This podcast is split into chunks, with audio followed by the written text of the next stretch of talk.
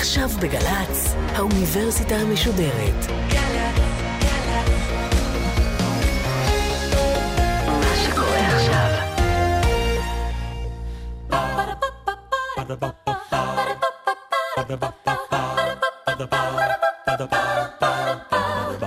האוניברסיטה המשודרת מציגה מסע סביב רעיון, והסמסטר בחירה, והפעם הפרופסור משה בר, ראש המרכז לחקר המוח באוניברסיטת בר אילן, על האופן בו המוח בוחר. עורכת ראשית מאיה גאייר. שלום, אני משה בר, ראש המרכז לחקר המוח באוניברסיטת בר אילן. אנחנו חוקרים את המוח מזוויות שונות, פסיכולוגיה, ביולוגיה, בלשנות, חישובי וכולי. והיום אנחנו כאן לדבר על החלטות ועל בחירות וקבלת החלטות. מה קורה במוח ובתודעה כשאנחנו מקבלים החלטה.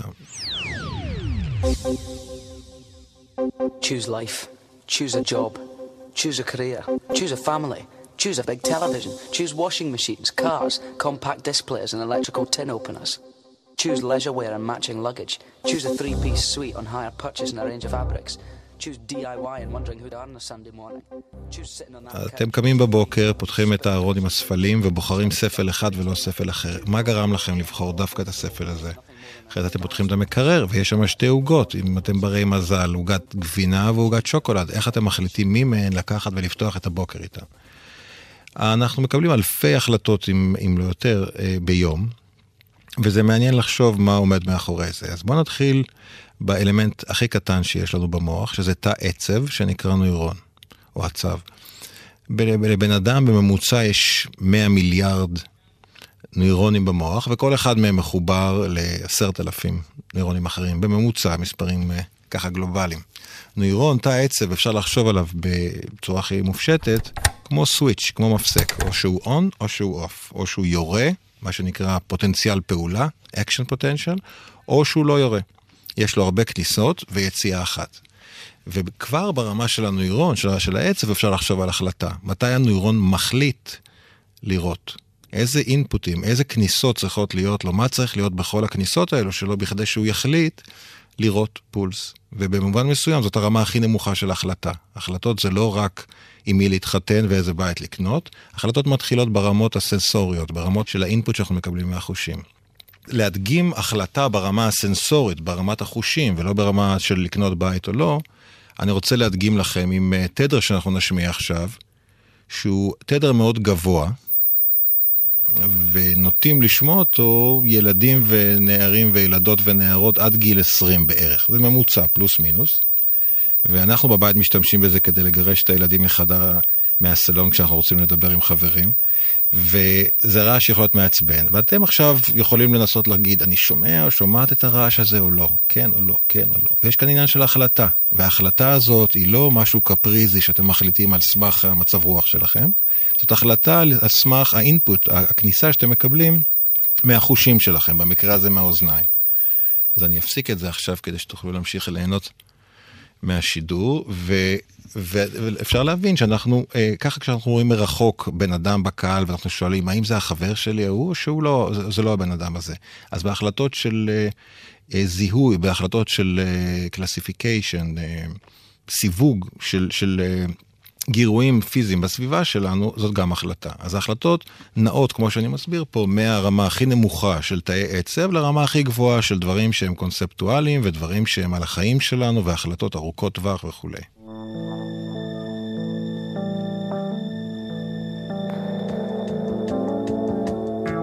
יש המון סוגים של החלטות. כשמדברים על החלטות זה קל להכניס את הכל לקופסה אחת, אבל בעצם אפשר להפריד החלטות לסוגים שונים. קודם כל יש כמובן, כמו שכולם מתארים לעצמם, החלטות מודעות והחלטות לא מודעות. אנחנו לפעמים מודעים. אני, אם אני רוצה לבחור מזגן חדש, או אוטו או רכב חדש, אפשר להסתכל על טבלה של נתונים, אפשר לעשות את כל הדליברציה הזאת בראש, להגיד כמה זה עולה, כמה הגודל, מה ההספק ורעש וכולי. במקרה של מזגן רעש, במקרה של רכב אפשר לחשוב על צריכת דלק וכולי.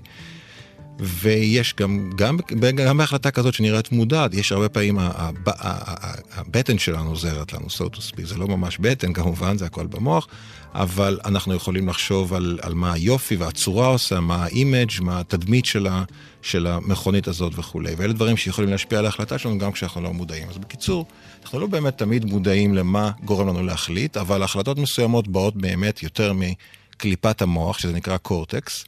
וכבר כולם שמעו על החלטות רציונליות ואי-רציונליות.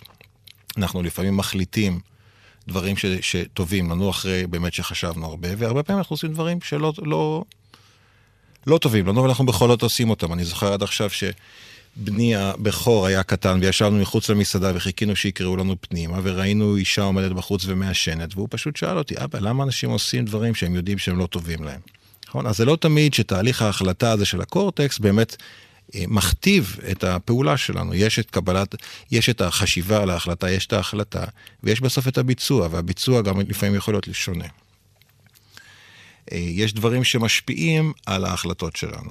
זאת אומרת, בשני מקרים שונים שאני צריך לבחור בין עוגת הגבינה ועוגת השוקולד, ההחלטה שלי יכולה להיות שונה, וההחלטה הזאת אה, מונעת ומוכתבת על ידי דברים כמו מצב רוח, כמו עייפות, כמו אה, רגשות שיש בסביבה, וגם מצבים פרוזאיים שנראים אולי לא כל כך רלוונטיים, בואו ניקח דוגמה רעב, אם אני רעב או לא רעב.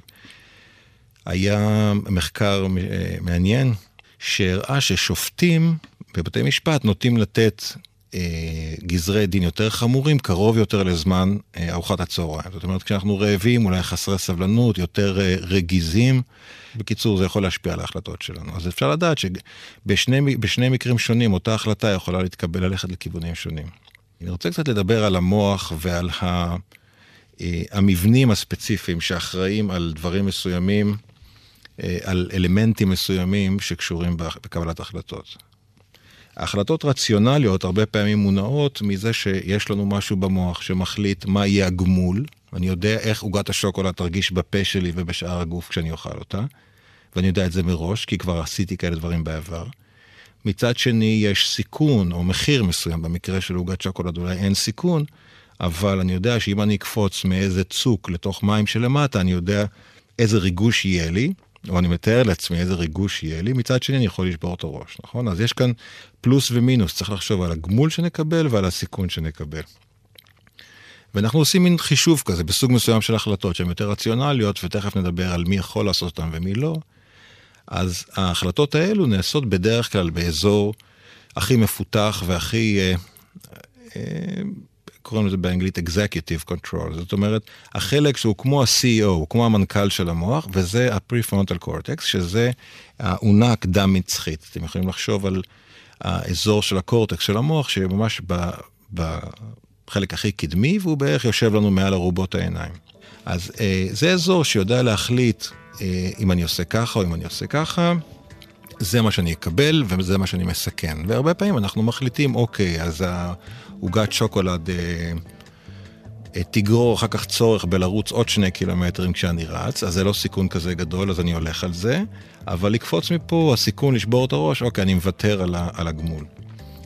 אה, מה שמעניין, נחזור רגע לבני נוער, זה שהאזור הזה של prefrontal cortex, האונה הקדם-מצחית, ידוע בתור האזור האחרון להתפתח במוח האנושי. אומרת, רוב המוח אה, מת, מתפתח כשאנחנו ילדים קטנים, אבל אה, ה prefrontal cortex מתפתח ב, ב, ב, בשנות ה-20, בין ה-20 ל-30.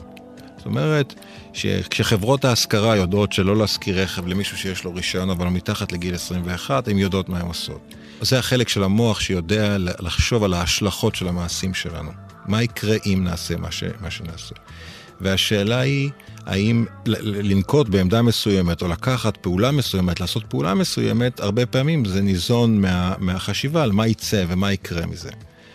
וילדים ובני עשרה שלא סיימו את פיתוח התפתחות הפריפרונטל קורטקס, זה דבר שקורה לבד, זאת אומרת, הם לא צריכים לעבוד על זה, אבל בכל מקרה, כשזה לא מפותח עדיין, אז היכולת של בני הנוער אה, לקחת החלטות תוך כדי אה, שקילת ההשלכות האפשריות, אה, לוקה בחסר. ולכן אה, אפשר לחשוב על ההחלטות האלה כעדיין מוגבלות במידה מסוימת. ושוב, אני אתן דוגמה מאותו אה, בן בכור שלי, שנסענו עם אופניים בש, בשטח פתוח, ונסענו מהר ונהנינו מהרוח והחקלאות והשדות מסביב, ופתאום הגענו למין תל כזה. ואני מיד עצרתי, אז הוא צעק עליי, אבא, למה אתה עוצר? זה כל הכיף, בוא ניכנס כל הכוח בתל. אז אמרתי לו, לא, אני רוצה לראות מה יש בצד השני לפני שאנחנו עושים את זה, אני לא רוצה ליפול פה 200 מטר פנימה. אז לא זה הרס את הכיף, אבל לי זה היה חשוב לראות שאנחנו לא נופלים, לא מסכנים את עצמנו עם הקפיצה הזאת. וזה באמת מסמל את המוח הצעיר מהמוח היותר בוגר, שאחד אומר, אוקיי, נלך על זה ומה שיהיה יהיה, ובכלל אני לא חושב על הרגע הבא, לעומת, רק שנייה, בוא נראה שהכיף הזה לא עולה לנו יותר מדי. אז זו דוגמה למקרים של לשקול את האפשרויות. ולא תמיד ידענו את הדברים האלה. גם את התפקיד של האונה הקדם-מצחית וגם את ההתפתחות שלה אצל אה, בני נוער, דבר שאנחנו יודעים רק בעשורים האחרונים. אחד המקרים הכי מפורסמים, הוא די סלבריטי בעולם הנוירוסיינס, החקר המוח, זה אה, בן אדם בשם פיניאס גייג'. This is Phineas Gage. Ah, come on now. Get up there and you start cutting down that brush. Benjamin. בחור עבד בהקמת פסי הרכבת בארצות הברית, ובאיזשהו שלב, בפיצוץ של דינמיט, עף שם אה, מוט ברזל וחדר לו דרך העין, והמשך לגולגולת, ו... וחשבו שהוא בטח מת, אבל לקחו אותו לבית החולים והצליחו להוציא את המוט, ומי שרוצה לראות גם את המוט וגם את הגולגולת שלו מוזמן למוזיאון בבית ספר לרפואה בהרווארד. הוציאו, טיפלו בזיהומים, ולמרבה הפלא, בן אדם קם ונראה נורמלי לחלוטין. אז אה, זה היה נראה כמו איזשהו נס, או שפשוט אין שום חשיבות לחלק הזה של המוח, כי הבן אדם הולך, מטפל בעצמו, יודע לעשות אה, דברים. אבל לאט לאט הבינו שיש אה, כן משהו פגום, והמשהו הפגום היה שהוא התנהג בצורה שמראה שהוא לא חושב על השלכות, בצורה לא ראויה, לא... לא מקובלת, והרס את כל היחסים, וירד מנכסים וכולי, והסוף לא היה כל כך טוב. אה, יש לאחרונה קצת אה, ויכוח האם זה באמת הייתה בדיוק הביוגרפיה, אבל, אבל בשורה התחתונה זה גרם להבין שהחלק הזה של המוח, גם אם ההשלכות של הפגיעה בו לא אה, נראות לעין באופן מיידי, עדיין זה משהו שיש לו משמעות, ומשמעות חמורה ביותר וגבוהה ביותר. זאת אומרת, אנחנו אה, צריכים להבין את ההשלכות של המעשים שלנו. והחלק הזה, אנחנו חושבים עליו הרבה, על הפריפרונטל קורטקס, ואיך בעצם נעשית, אנחנו עדיין מדברים על החלטות ברמה הגבוהה. ומה שהמוח שלנו יודע לעשות, שהוא די מדהים, זה סימולציות, סימולציות מנטליות. הפילוסוף קרל פופר אמר, אה, בתרגום קליל, אני נותן להיפותזות שלי למות במקומי. מה זה אומר? במקום לנסות כל דבר, אני יכול לחשוב בראש, what if, מה אם אני אעשה את זה, מה אם אני אעשה את זה, מה אם אני אעשה את זה. כן, אתם עומדים בצומת מסוים, ויש לכם שתי אפשרויות, ימינה או שמאלה, אתם יודעים ששם יש x ושם יש y, מה יקרה, ואתם בוחרים על סמך זה. אם אני הולך לשם אני יכול ליפול, אם אני הולך לשם אני זוכה בלוטו. אז ברור שתבחרו משהו מסוים. אתם לא תנסו קודם מצד ימין, תיפלו ואז זה כבר מאוחר מדי. אז אנחנו יכולים להריץ את כל הסצנריות, את כל התסריטים האפשריים, או את כל אלו שאנחנו יכולים לחשוב עליהם ולדמיין, לפני שאנחנו פועלים. אז זה משהו, כמו שאמרתי, שלא תמיד קיים כשהמוח לא, מפות... לא סיים את ההתפתחות שלו, אבל בכל מקרה, זה משהו שאנחנו יכולים להשתמש בו. וכשמנסים לשכנע אנשים אה, למשל, להשקיע בפנסיה, בישראל זה יותר אוטומטי, אבל נגיד בארצות הברית, ששם זה מין בחירה כזאת, ואנשים קשה להם לדמיין וקשה להם לוותר על, על כסף של עכשיו בשביל כסף של אחר כך, אז חושבים על הסצנריו, על התסריטים, שאני אהיה מבוגר ולא תהיה לי הכנסה ובלה בלה בלה בלה בלה, והעניין הזה בסוף אה, אה, מסתיים בזה שמוכנים לשלם מחיר מסוים עכשיו בשביל אחר כך. ללא היכולת לעשות סימולציה במוח, לא היינו מחליטים את זה והיינו מחליטים משהו אחר. ברמה הנמוכה יותר של ההחלטות, שההחלטות שהן יותר, אה, אפשר להגיד אימפולסיביות. אימפולסיביות זה סוג מסוים של החלטה, ומטבע הדברים זאת החלטה שבה אנחנו משקיעים פחות מחשבה, כי אחרת היא לא הייתה אימפולסיבית. אנחנו עושים משהו ולרוב מצטערים. וזה להבדיל מאינטואיציה. אינטואיציה זאת החלטה שאנחנו לא מודעים למקור שלה, אבל היא הרבה פעמים מבוססת על yedע מסוים. אימפולסיביות זה מה שאנחנו עושים כמעט כמו רפלקס. ומה שמעניין בהקשר של רפלקס זה הרגלים. Cause he gets up in the morning and he goes to work at nine and he comes back home at 5.30 gets the same train every time הנושא של habits. ההרגלים גם משפיעים על ההתנהגויות שלנו. אתם בטח מכירים שאנשים, אה, לא יודע, אנשים מסוימים אחרי אוכל רוצים ללכת לישון, או אנשים מסוימים, אה, דוגמה אולי לא חינוכית, אבל עדיין קיימת סביבנו, אה, נגיד, בואו ניקח סתם דוגמה, חנה אוהבת לעשן סיגריה עם, עם קפה. באופן, עם השנים אה, התרגלה שקפה זה סיגריה, סיגריה זה קפה. אם הבן אדם הזה עכשיו רוצה להפסיק, רוצה להיגמל, יש לו בעיה, כי כל פעם שהוא רואה קפה הוא רוצה סיגריה, ומי שאלכוהוליסט רואה בקבוק הוא רוצה לשתות. יש את האסוציאציה הזאת שנוצרה עם השנים, והיא משפיעה על ההחלטה.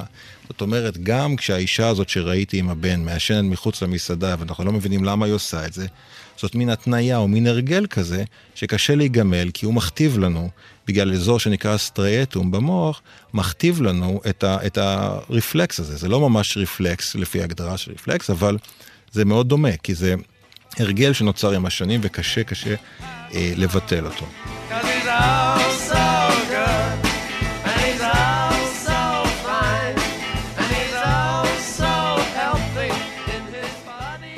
קונספט אחד שחשוב לזכור בהקשר של קבלת החלטות זה ה control, מה שבקרה.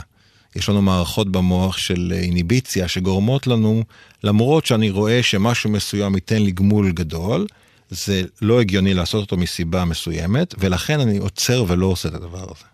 אז הבקרה וה, והיכולת הזאת לעכב או לבטל פעולות, למרות שמשהו בפנים בפנים, המוח הלימבי, מה שנקרא, מאוד רוצה שנקפוץ על משהו ונעשה משהו, אה, יש משהו שעוצר אותנו, וזה גם בא מהפריפרונטל קורטקס, מעונה קדם מצחי, היכולת לבקר והיכולת לעצור את ההחלטות שלנו.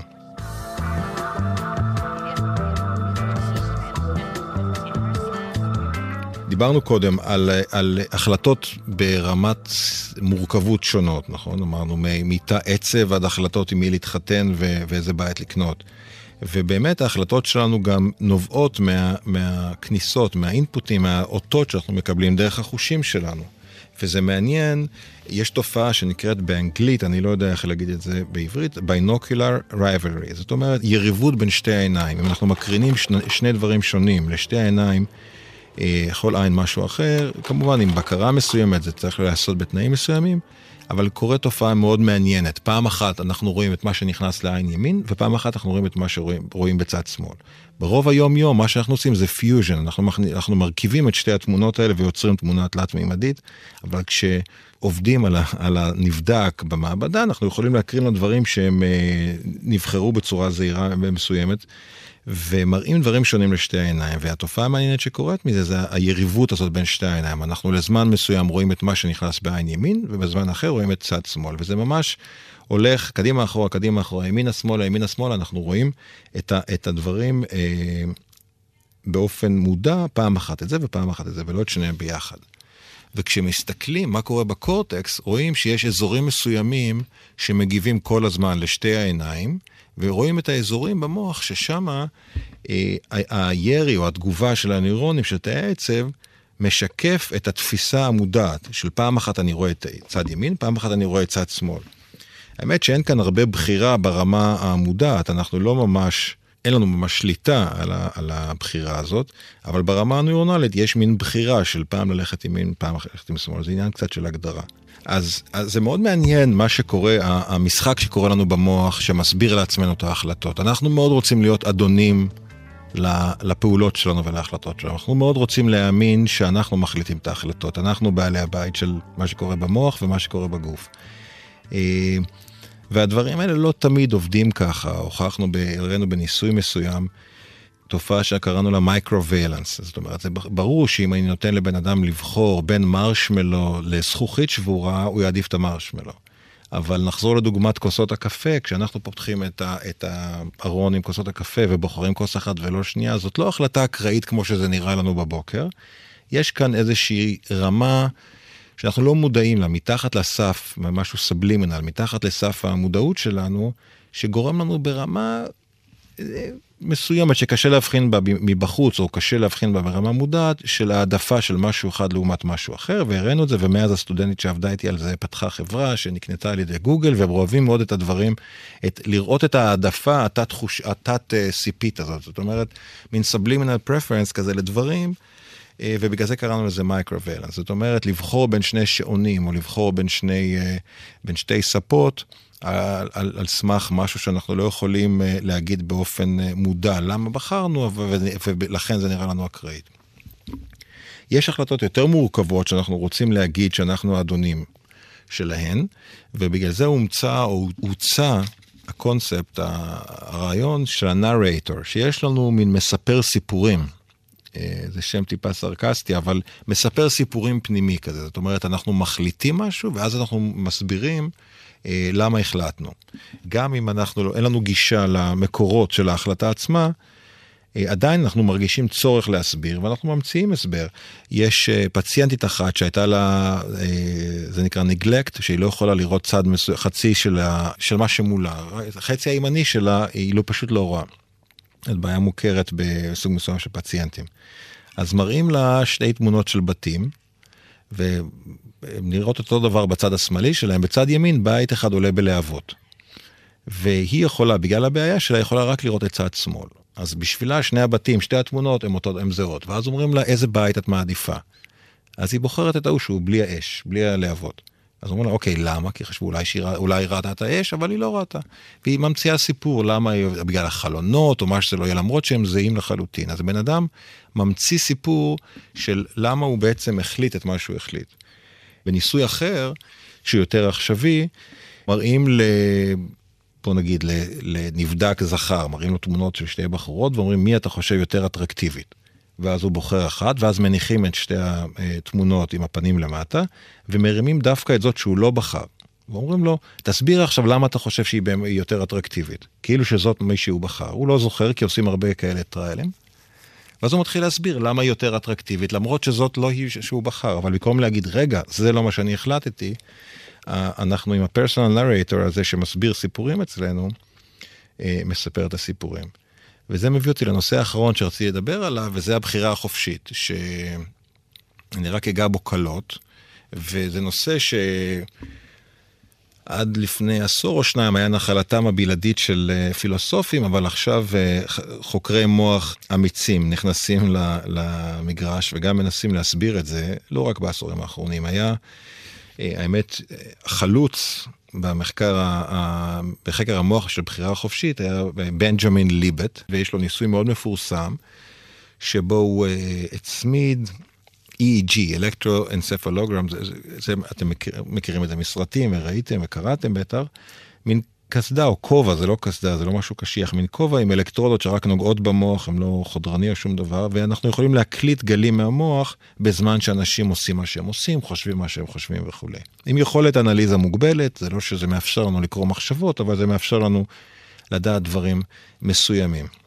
והנבדקים שם היו פשוט צריכים להזיז אצבע ולהסתכל על מין שעון כזה שזז, ובסוף הם מסתכלים מתי הם, הם הזיזו את האצבע, ושואלים אותם איפה היה המחוג, בזמן שהמחוג היה אמור לאפשר להם לדעת מתי הם החליטו את ההחלטה, כי יש זמן מההחלטה לפעולה. גם כשאנחנו מחליטים לתת, אה, למחוק כף, זה לוקח אה, 100 או 200 מיליסקנדס, על פיות השנייה, אה, לפני שאנחנו מצליחים, אה, לפני שאנחנו מבצעים את הפעולה עצמה. אז גם כשאנחנו נחושים לעשות פעולה מסוימת, לוקח קצת זמן, כי החלק המוטורי גם צריך לעבוד. Okay, Susan, you're hi, all hi. hello. You're all wired up and ready to go. Absolutely. I want you to watch the clock hand, which is rotating in this small clock in the center of the screen, and then at any time that you choose, when you intend and will to, I want you to press either this key or this key. As, as the urge. As the urge takes you. Fine, okay. אז הנבדקים האלה בניסויים שלי, בתור הבחירה החופשית, יכולים היו להסתכל על השעון ולהגיד, החלטתי ל- ל- ל- להקיש ככה, או להזיז את היד לפה או לשם, בזמן שהמחוג היה על זה וזה. ואז מסתכלים על הפעילות במוח ורואים שבעצם ההחלטה נלקחה הרבה לפני שהנבדק חושב שהוא לקח את ההחלטה. זאת אומרת, הנוירונים שלנו, תאי העצב שלנו, מקבלים את ההחלטות שלנו בשבילנו. אנחנו מודעים אל ההחלטות האלה בהרבה מקרים, הרבה אחרי, הרבה במושגים נוירונליים, כמה מאות מיליסקנד אחרי שהם התרחשו. אז יש מין אשליה כזאת של בחירה חופשית, ומה שאני אומר עכשיו נתון למחלוקת, יש מחלוקת מעניינת בחקר המוח ובפילוסופיה, האם יש לנו בחירה חופשית או אין לנו בחירה חופשית. אז אה, זה לא משהו שהוא... שהוא סגור מבחינת המדע, אנחנו ללא ספק אה, עדיין בשיא המחקר בנושא, וגם פילוסופים שחשבו על זה הרבה שנים לא יכולים להגיד באופן חד וחלק, אם זה היה חד וחלק היה נגמר הוויכוח כבר, אבל לא יכולים להגיד אם יש לנו בחירה חופשית או אין לנו בחירה חופשית. גם כאן יש עניינים של הגדרות, אה, ויש כאן עניינים של אה, איך אני משכנע את עצמי שהבחירה שבחרתי הייתה רציונלית, בחירה שאני לקחתי ולא מישהו אחר, ולא איזה נוירונים כאלה שלא יכולים לחשוב לקחו בשבילי. אבל uh, העובדה קיימת שאנחנו בעצם uh, לא יכולים להגיד חד וחלק אם יש לנו בחירה חופשית לבני אדם או לא. Uh, האופטימיים בינינו, ואני חושב שכולנו רוצים תקווה מסוימת לחשוב שאנחנו באמת אדונים להחלטות שלנו, uh, נשאיר את זה לכם.